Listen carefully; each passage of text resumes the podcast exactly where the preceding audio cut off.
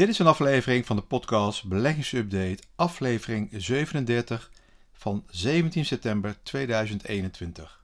Mijn naam is Joost Boors. Ik kreeg een vraag over mijn arbeidsverleden. Het is in elk geval uh, altijd de financiële wereld geweest.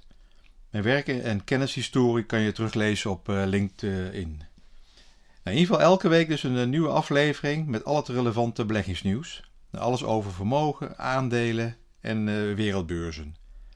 Daarnaast een praktijkcasus. Deze week uitleg over momentum. Buy the winners. En daarnaast welke aandelen kopen nou portefeuillemanagers in de maand augustus. En een eh, studie van enkele grote beleggingsfondsen van de afgelopen maand. Nou, in ieder geval, het afgelopen weekend was het 20 eh, jaar geleden dat er een aanslag was op het WTC in New York op 9 september 2001, aangeduid als 9-11.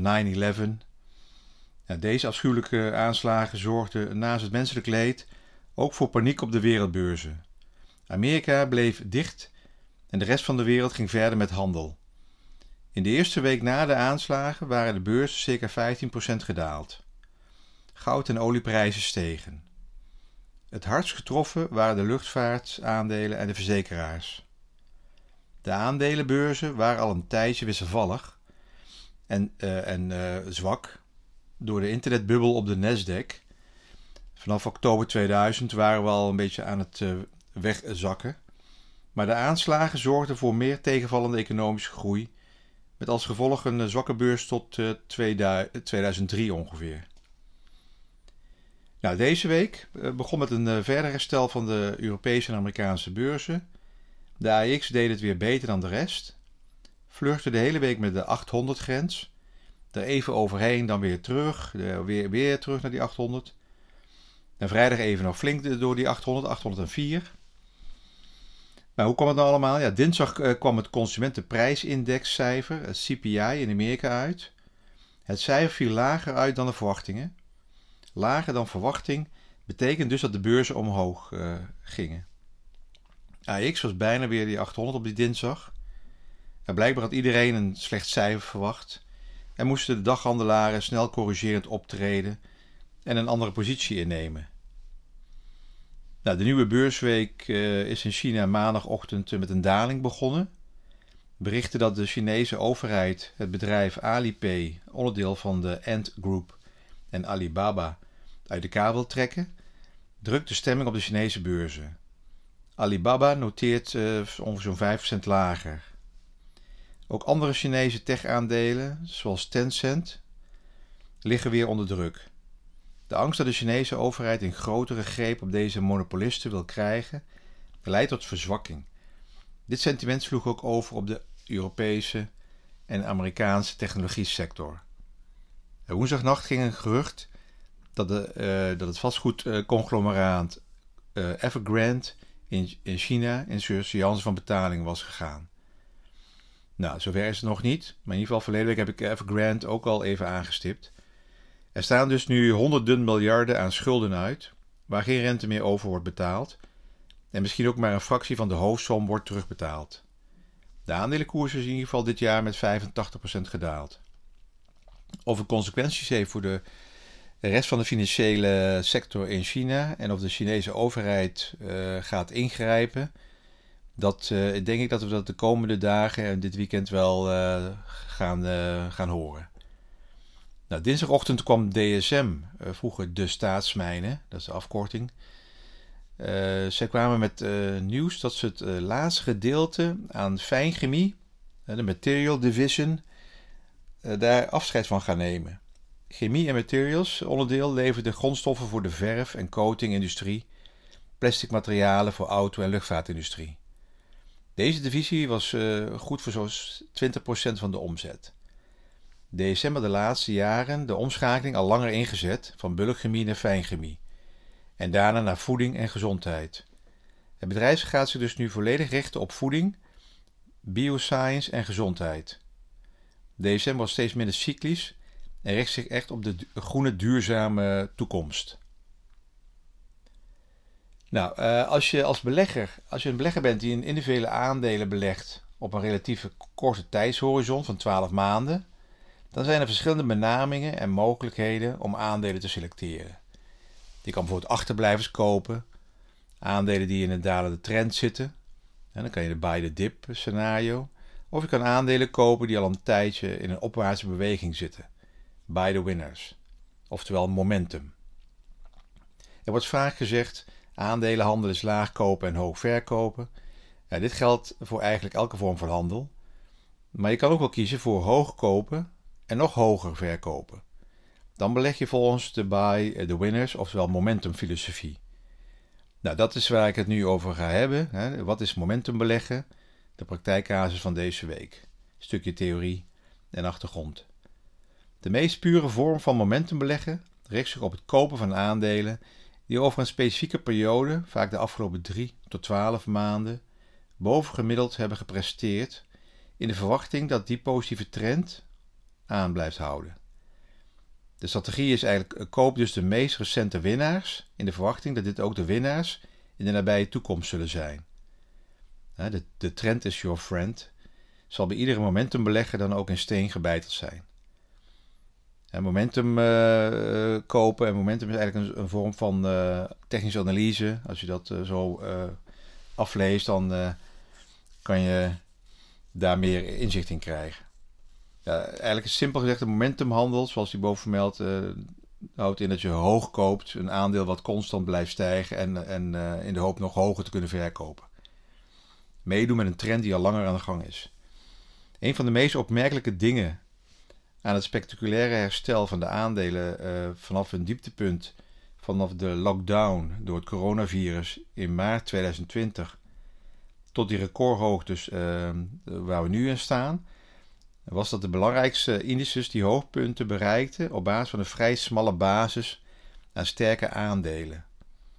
De Dow Jones, de S&P 500 en de Nasdaq splitsen zich in die maanden op in twee uh, groepen. Er waren leiders en er waren achterblijvers. De leiders waren aandelen als uh, Apple, uh, Tesla en Amazon. Werden steeds, bijvoorbeeld, werden steeds hoog gedreven door het besef dat de vreemde omstandigheden van die tijd hun omzet of hun prestatie niet erg zouden beïnvloeden, waardoor ze in een nog sterker relatieve positie zouden komen wanneer het economisch herstel voltooid zou zijn. In Nederland zie je dit bijvoorbeeld terug bij eh, ASML, ASMI, uh, BC, Adyen en onder andere DSM.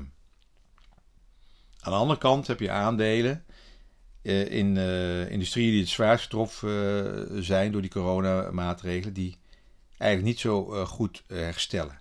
Nou, luchtvaartmaatschappijen, financiële instellingen, die blijven achter.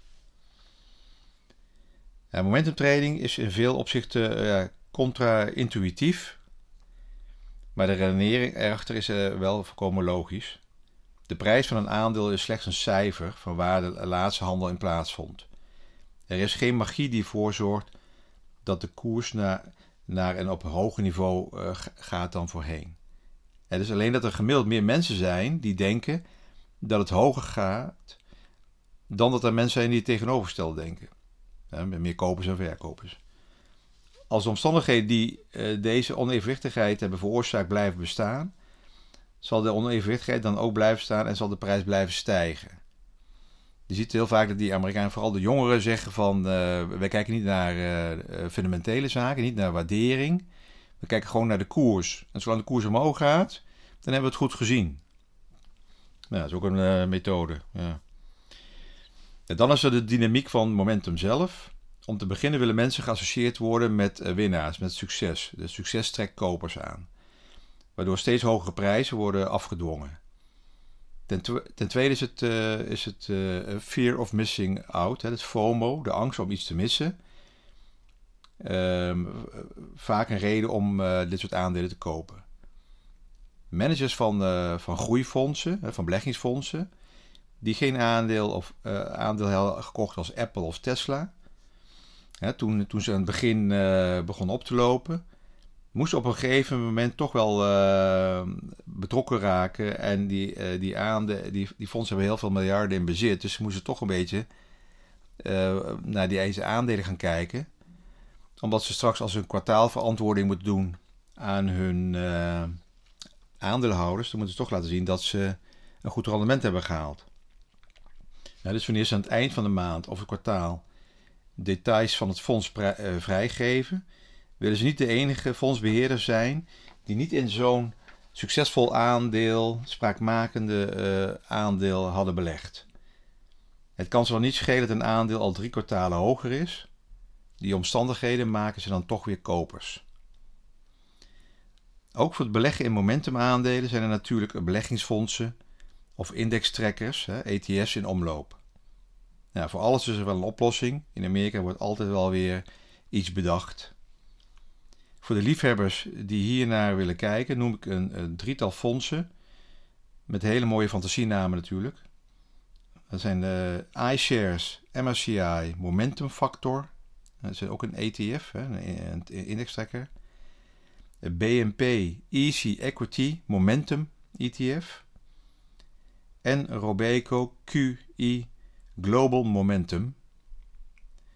Deze laatste heeft dit jaar tot heden een rendement van circa 30% gehaald en de laatste vijf jaar gemiddeld 12,5% per jaar. Nou, welke aandelen hebben de uh, professionals nu gekocht? Of wat zijn de grootste belangen in beleggingsfondsen? Deze informatie is uh, grotendeels vanuit Morningstar. Er zijn uh, van ongeveer 11 beleggingsfondsen informatie bekeken, de samenstelling van de portefeuilles. Fondsen met de verschillende strategieën, zoals waardeaandelen en groeiaandelen. Dat zijn alleen maar de Europese beleggingsfondsen. Dus ze kopen ze ook alleen maar Europese namen. De meest voorkomende namen met de grootste positie uh, zijn, ik noem er een aantal hoor, dus ik ga het niet allemaal opnoemen, maar ASML zit ertussen, Total, Nova Nordisk, dat is healthcare, Relax, ASR, ING, Louis Vuitton, Adidas, Infineon, Enel, BNP Paribas, Sanofi en Novartis. opvallend is wel een nieuwkomer uit de AX, hè, dat is de verzekeraar ASR. Ja, dit zijn dus de aandelen die vaker bij de meeste beleggingsfondsen terugkomen. Je moet je wel realiseren dat in het algemeen beleggingsfondsen gemiddeld 60 à 80 bedrijven in portefeuille hebben. Hiermee proberen ze wel een evenwichtige portefeuille te bouwen, waarmee ze hopelijk ook een beursindex uh, mee kunnen verslaan. Een heel andere beleggingscategorie, uh, wat nu in het nieuws is, hè, grondstoffen, vallen onder grondstoffen. En dan specifiek even de olie- en gasprijzen. Ja, deze lieten de afgelopen dagen weer een enorme stijging zien. Vooral de gasprijs. Het steeg echt een loodrechte lijn. En is dit jaar al zeker zo'n 70% gestegen. Nou, dus ik denk dat deze winter uh, toch wel dikke trui moeten gaan aantrekken. Want uh, zal die, deze prijsstijging zal ook wel doorberekend worden in uh, de energiekosten van de huishoudens. Oké, dankjewel voor het luisteren. Zoals altijd is het op persoonlijke titel geen direct advies. Mocht je mij een vraag willen stellen of opmerking, dan kan het altijd via info.beleggingsupdate.nl en je kan mij ook volgen via Instagram Beleggingsupdate. Tot de volgende week.